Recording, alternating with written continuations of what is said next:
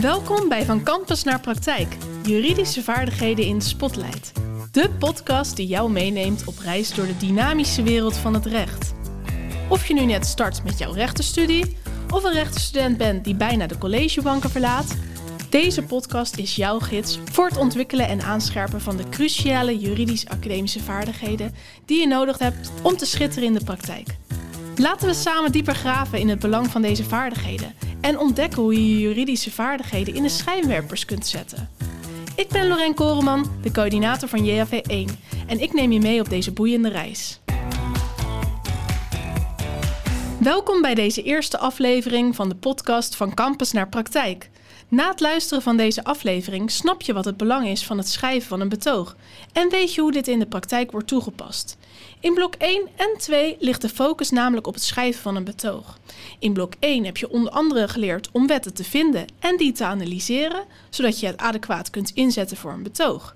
Op deze vaardigheden bouwen we in blok 2 voort en er komt een nieuwe vaardigheid bij: het inzetten van relevante jurisprudentie om een betoog te ondersteunen.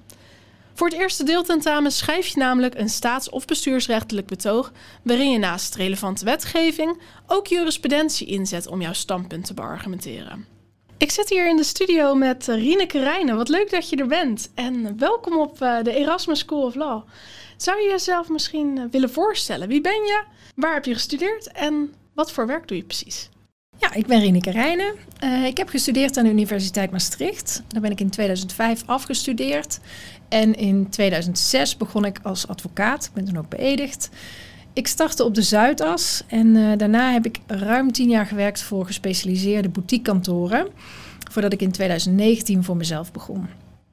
Sindsdien leen ik mezelf uit aan gespecialiseerde kantoren en werk ik mee aan de zaken die zij behandelen. En dat doe ik dan op zaakbasis, zodat ik tegelijkertijd voor meerdere opdrachtgevers kan werken. Op die manier leer ik ongelooflijk veel mensen kennen en mag ik meedoen in de allerleukste zaken. Dus dat zijn voor mij de krenten uit de pap. Oh, wat leuk. En waarom heb je voor dit werk gekozen? Is jouw droombaan die je had op de universiteit werkelijkheid geworden of ben je totaal iets anders gaan doen? Toen ik studeerde wilde ik eigenlijk officier van justitie worden. Want mijn vader was rechercheur. Maar ik bleek het wetboek van strafvordering ontzettend taai te vinden. Dus um, dat ging hem niet worden. En langzaamaan werd ik verliefd op het verbindenissenrecht en het civiele procesrecht. Ik raakte ook echt enthousiast om daarmee aan het werk te gaan. Ik besloot mijn carrière bij een Zuidaskantoor te beginnen. En van meet af aan deed ik daar heel veel bestuurdersaansprakelijkheidszaken. Na een jaar of dertien vond ik dat niet meer zo leuk, want er komt heel veel boosheid bij kijken. En als advocaat ben je dan toch de filter tussen die bestuurder en alle mensen die boos op hem zijn. En ik had eigenlijk zin in wat vrolijkers. Omdat ik meer hecht aan fijn samenwerken dan aan status, besloot ik cliënten helemaal achter me te laten en kantoren bij te gaan staan als onderdeel van hun flexibele schil. Ik sta niet langer op het vonnis, maar ik bleef enorm veel plezier aan het werken op deze manier. Misschien eventjes terug naar de studententijd, want hoe was jouw studententijd? Ik vond mijn studententijd fantastisch. Al die vrijheid die ik kreeg toen ik eindelijk uh, bij mijn ouders uit huis ging, op mezelf ging wonen in een hele nieuwe stad. Ik leerde enorm veel mensen kennen, ontwikkelde mezelf op razend tempo en ik heb gewoon genoten van elke dag. Wat mooi om te horen. Als ik aan jou de vraag stel van wat is nou eigenlijk de leukste herinnering aan je studententijd, wat is dat precies? Ja, het samen zijn met vriendinnen en de spuutsgenoten, ehm, koffie drinken voor college, actief zijn bij mijn studievereniging Elsa. En ja, al die middagen in het park. Eigenlijk gewoon de vrijheid die ik al noemde. Zoals je net ook al aangaf, uh, je hebt uh, gestudeerd op de Universiteit in uh, Maastricht. Werd er tijdens jouw opleiding ook aandacht besteed aan vaardigheden? Ja, we hadden zeker practica. Ik moest even nadenken over deze vraag, omdat het lang geleden is dat ik uh, begon aan mijn studie in 2000. We hadden practica, ik herinner me onderhandelen en de pleitoefening.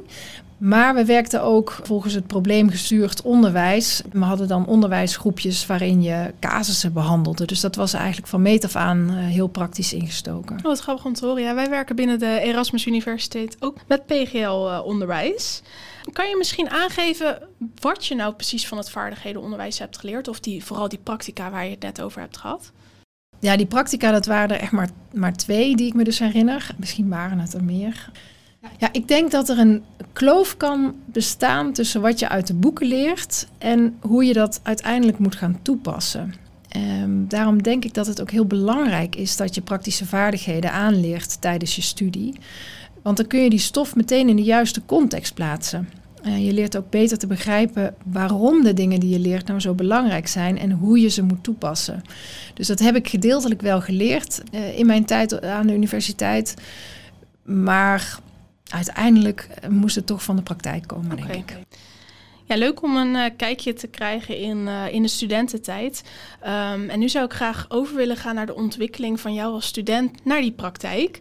Kun je ons misschien wat meer vertellen over je eigen reis van juridisch student naar de, naar de juridische praktijk? Welke specifieke vaardigheden heb je tijdens je studie ontwikkeld? En hoe hebben ze je geholpen bij het betreden van, uh, van de juridische praktijk? Um, tijdens mijn studie heb ik denk ik vooral de typische studievaardigheden ontwikkeld. Toen ik als student stagiaire bij Houten aan de slag ging, merkte ik al heel snel dat ik veel te wetenschappelijk keek naar allerlei problemen die voorbij kwamen.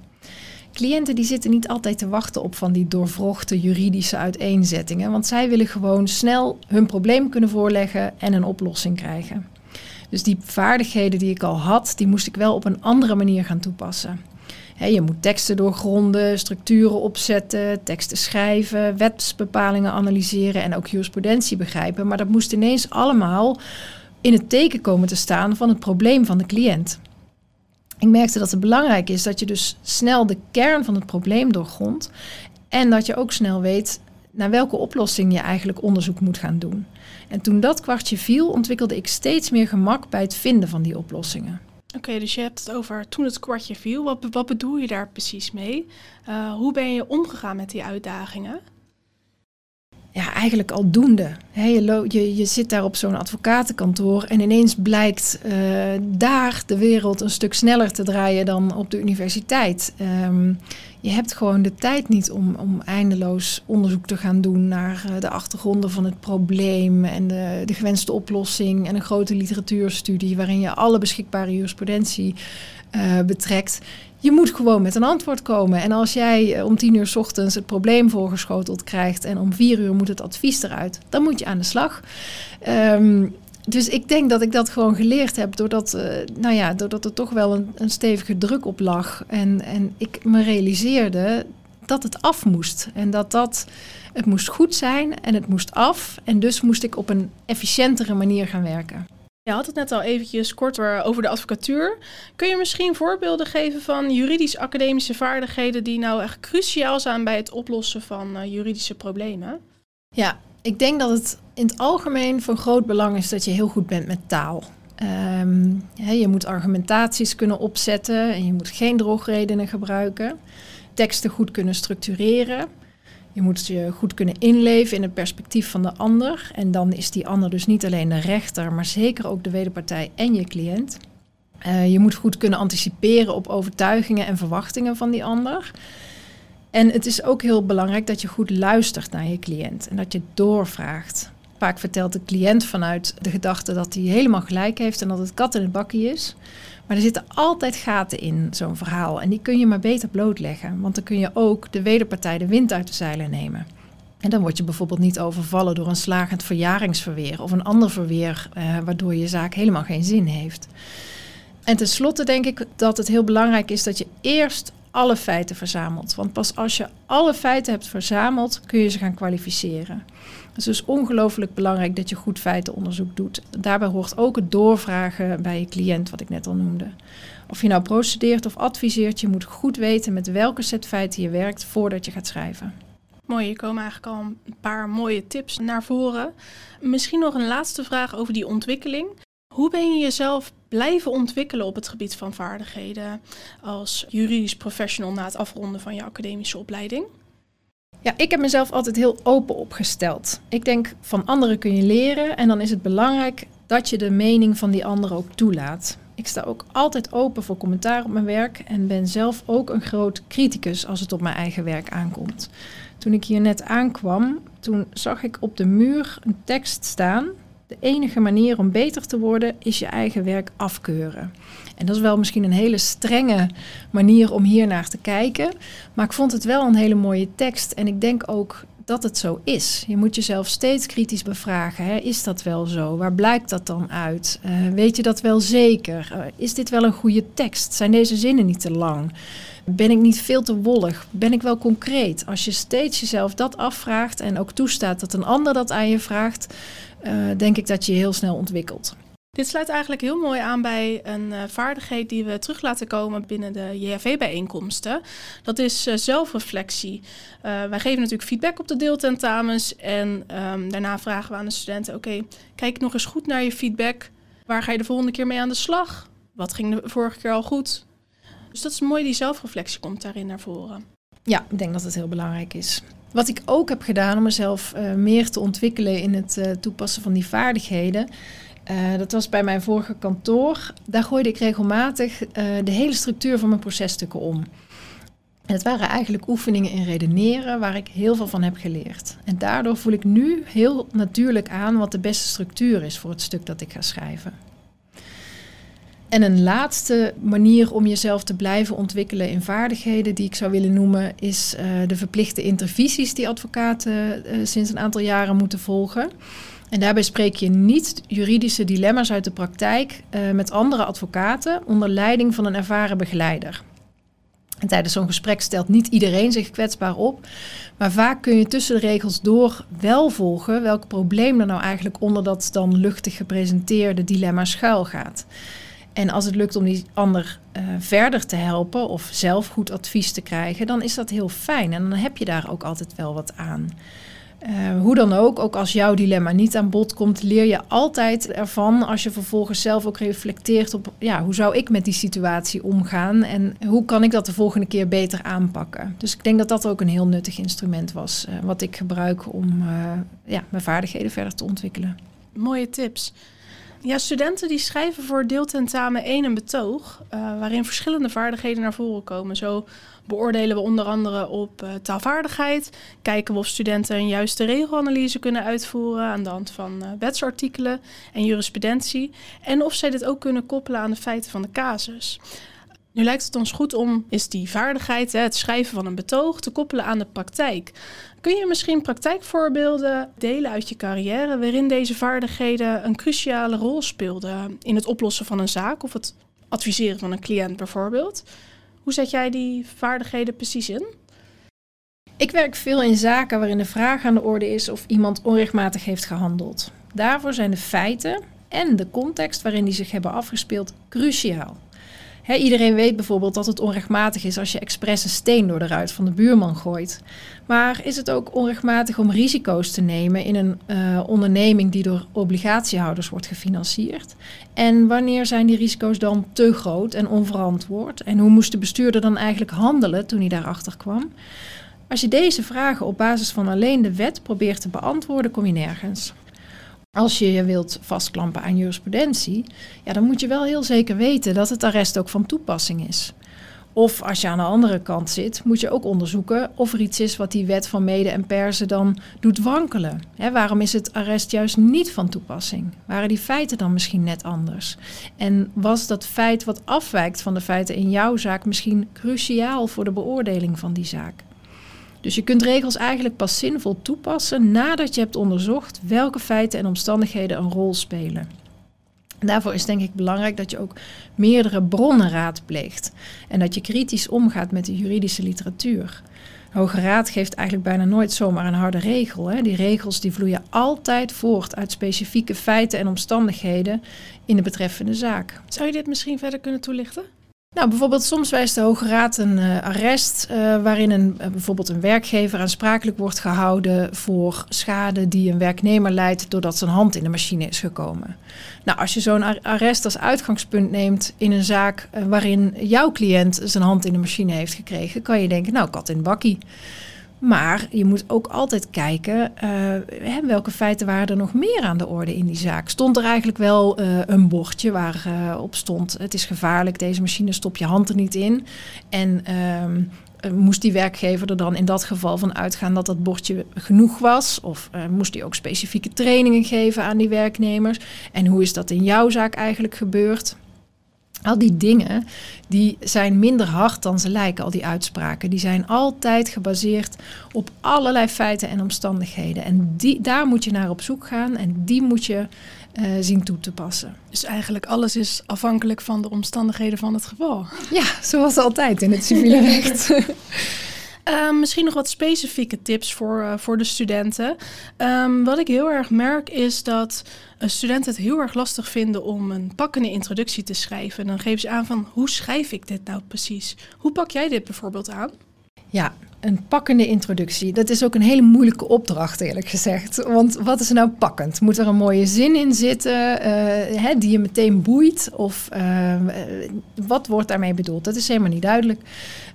Ik denk dat een goede introductie de lezer of de luisteraar meteen op het juiste spoor moet zetten. Dus je beschrijft de uitkomst die uh, voor jou logisch is. En enkele springende argumenten, waaronder dus ook de belangrijkste feiten, die daarvoor doorslaggevend zijn. Eh, zelf schrijf ik de introductie daarom eigenlijk altijd op het einde, want dan is mijn betoog helemaal helder. Is het duidelijk hoe het is opgebouwd, wat de grondslagen zijn en welk resultaat ik wil behalen. Oké, dus nu hebben we gekeken naar ja, één onderdeel van de inleiding, het schrijven van een pakkende introductie. Daarnaast zijn er nog twee elementen. Zo uh, moeten studenten de juridisch relevante feiten kort omschrijven en uh, het standpunt aankondigen. Um, wanneer is een juridisch feit nou precies relevant? Hoe kunnen studenten hier achter komen? Ja, dat is, dat is best wel moeilijk in het begin. Vaak heb je wel een, een wetsbepaling uh, waarover je moet gaan schrijven. En die wetsbepaling die geeft meestal wel aanknopingspunten van de juridische feiten die in elk geval relevant zijn. Als ik bijvoorbeeld wil ontbinden, dan heb ik een tekortkoming in de nakoming nodig. Dus als juridisch feit moet je dan in elk geval een tekortkoming vinden. Eh, uit de literatuur en de jurisprudentie kan je dan vervolgens aanknopingspunten afleiden om te beoordelen of de tekortkoming de ontbinding met zijn gevolgen ook rechtvaardigt. Oké. Okay. Is nog een onderdeel waar wij uh, op beoordelen. En sowieso in het begin van de juridische opleiding vinden studenten het nog heel moeilijk om een formele schrijfstijl te hanteren. Hoe zorgen zij voor een formele schrijfstijl die passend is ook echt voor de doelgroep? Volgens mij kan je beter investeren in een heldere schrijfstijl dan in een formele. Als je mooie zinnen maakt zonder taal- en schrijffouten die de boodschap overbrengen, dan ben je al een heel eind. je moet de zinnen kort proberen te houden en geen formele of ouderwetse woorden gebruiken. Daar moet je jezelf echt niet toe aanzetten.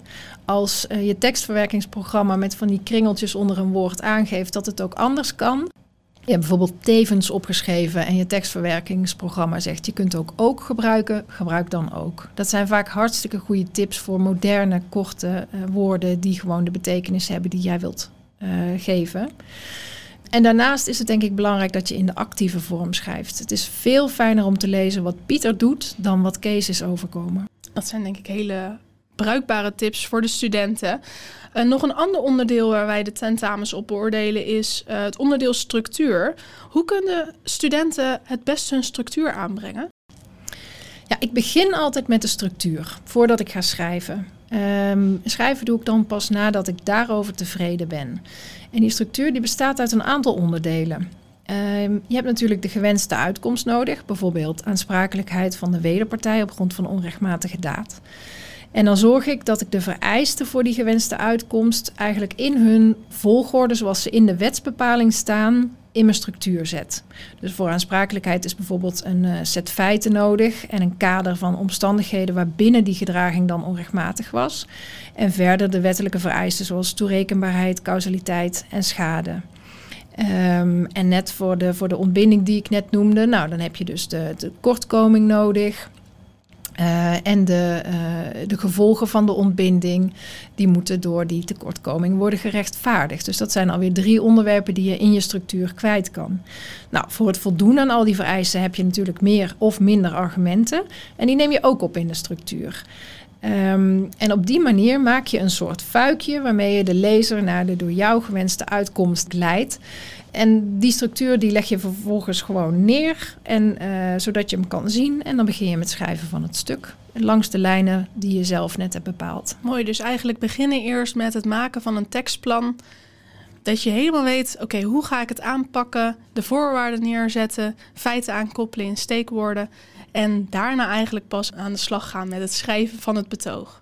Ja, ja, dan gaat het ook een stuk sneller daarna. Ja, en na afloop kan je eigenlijk tekstplan ook weer mooi gebruiken als soort van checklist. Hè? Heb ik alles erin verwerkt? Ehm, soms lopen studenten ook tegen het woordenaantal aan. Uh, wij hanteren een woordenlimiet. En dan kan je ook kijken van oké, is er misschien nog of is er bepaalde informatie die misschien achterwege gelaten kan worden? Ehm, misschien nog een tip over ja, hoe kunnen luisteraars hun juridisch-academische vaardigheden verbeteren?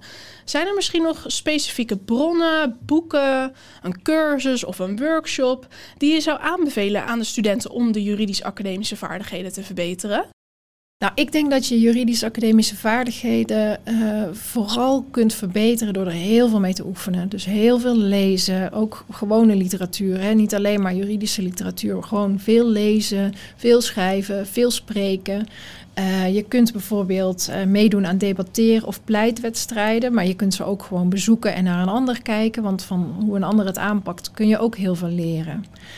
Verder is het denk ik heel nuttig om uh, ook regelmatig de conclusie van de advocaat-generaal te lezen voor een arrest van de Hoge Raad.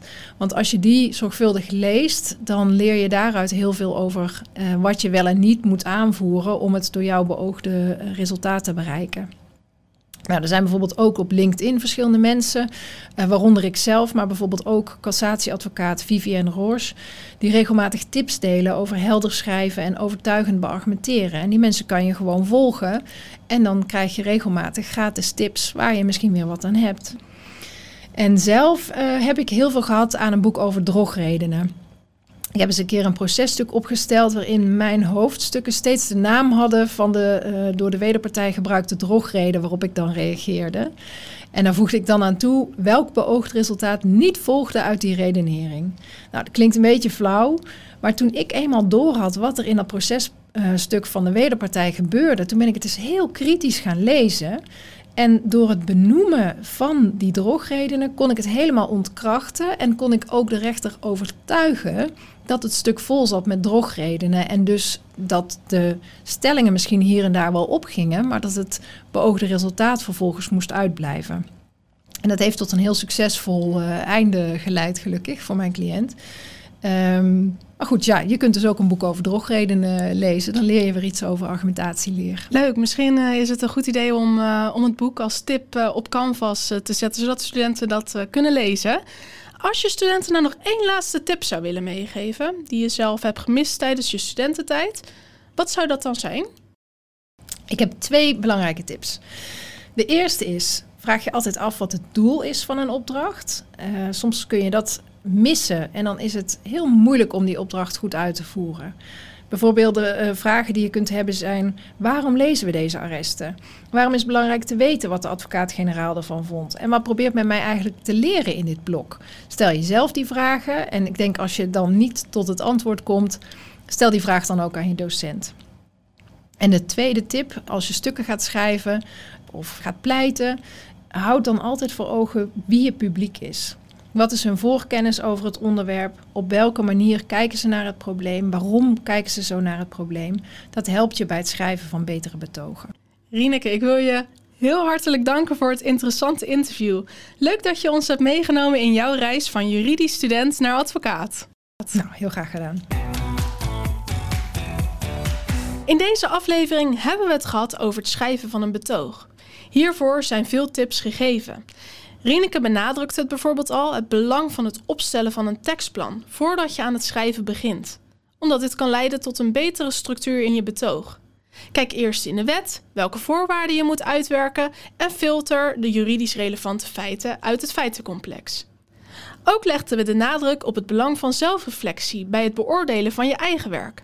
Het is essentieel om je tekst meerdere keren te herzien en overbodige informatie te schrappen om het betoog beter te maken. Naast deze tips hebben we in deze aflevering nog veel meer waardevolle adviezen gedeeld. Als je meer wilt weten, raden we je aan om de aflevering opnieuw te beluisteren of om Rieneke te volgen op LinkedIn. De gegeven tips kun je straks zelf proberen toe te passen bij het deeltentamen. In de volgende aflevering nodigen we een nieuwe gastspreker uit en gaan we het hebben over het schrijven van een annotatie. Heb jij moeite met het schrijven van een annotatie? Of ben je benieuwd hoe dit door een expert uit de praktijk wordt aangepakt? Aarzel dan niet om je vragen en opmerkingen met ons te delen via Canvas. Wie weet selecteren we jouw vraag wel voor de bespreking in onze volgende aflevering. Bedankt voor het luisteren en graag tot ziens.